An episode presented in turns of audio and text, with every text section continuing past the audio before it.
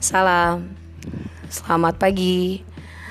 Bertemu kembali sama aku di channel podcast Color of Life atau aku singkat dengan sebutan Cool. Hari ini kita akan membahas persahabatan di mana segmen ini aku sebut dengan segmen ungu putih. Pada kesempatan kali ini aku sudah mengajak dua orang teman aku. Sebut saja dia Senja dan Sani.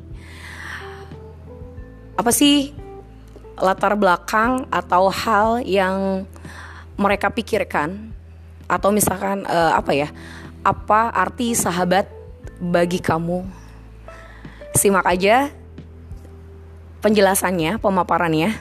Mudah-mudahan penjelasan atau pemaparan yang mereka sampaikan bisa memberikan inspirasi untuk kita semuanya. Check it out.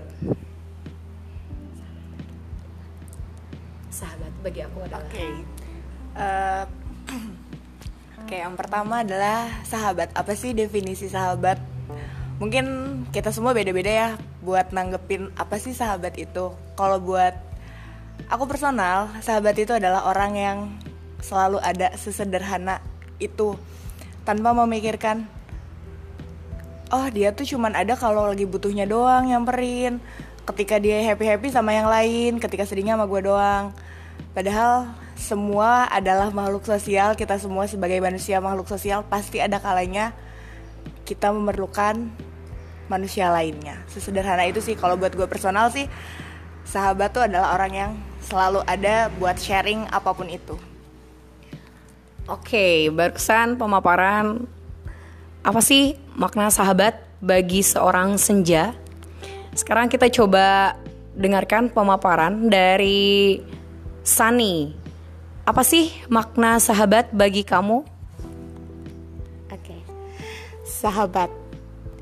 Uh, pembahasan yang cukup sensitif ya, karena mungkin sahabat dalam diri saya adalah orang yang saya butuhkan, orang yang akan saya lindungi, yang akan saya cintai, yang akan saya sayangi, dan akan saya pertahankan. Urutannya berada di keurutan keempat. Setelah Allah, Rasul, keluarga, maka urutan selanjutnya adalah sahabat. Sahabat itu ibarat keluarga kedua, orang yang akan kita datangi ketika kita berada dalam kesulitan maupun berada dalam kesenangan setelah keluarga tentunya maka saya akan datang ke sahabat. Sahabat itu ibarat orang yang bahkan ketika dia tahu buruknya kita masalah kita jahat-jahatnya kita dia akan tetap berada di samping kita menolong kita membantu kita dan dia akan selalu berada dengan kita dalam keadaan senang maupun susah gitu. Tidak hanya dalam keadaan senang gitu ya. Dan ikatan sahabat itu untuk aku hampir sama dengan butuhnya aku ke dalam kepada keluarga gitu. Jadi orang yang akan sangat aku butuhkan. Oke, okay, cukup gamblang ya. Makna sahabat ini memang tergantung dari sejauh mana kita memaknai keberadaan orang di sekeliling kita sih ya. Kalau untuk aku pribadi, sahabat itu mungkin seperti bayangan. Ketika ada cahaya, entah itu cahaya baik kesedihan, entah itu kebahagiaan, mereka selalu ada menemani kita tapi memang ada kalanya di mana kita berada di titik yang memang memang benar-benar gelap. Kadang bayangan itu tidak ada.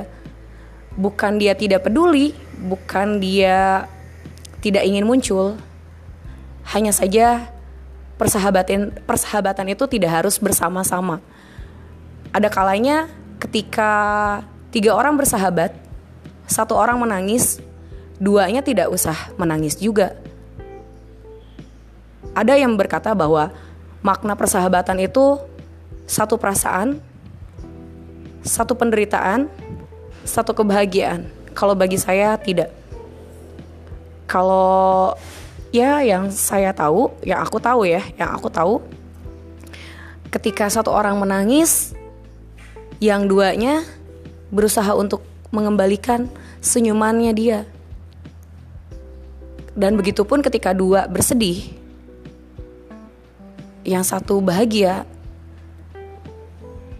usahakan yang satu itu bisa meraih keduanya untuk bersama-sama berbahagia. Jangan malah ketika yang satu sedih, malah yang ikut sedih. Enggak sih kalau kata aku. Oke, cukup sekian podcast hari ini.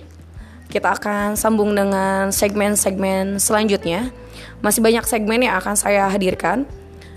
Ada kuning putih, ada ungu putih, ada putih bening, dan ada yang lainnya. Stay tune terus di channel podcast aku. Sampai ketemu di hari Senin berikutnya. Bye. Salam.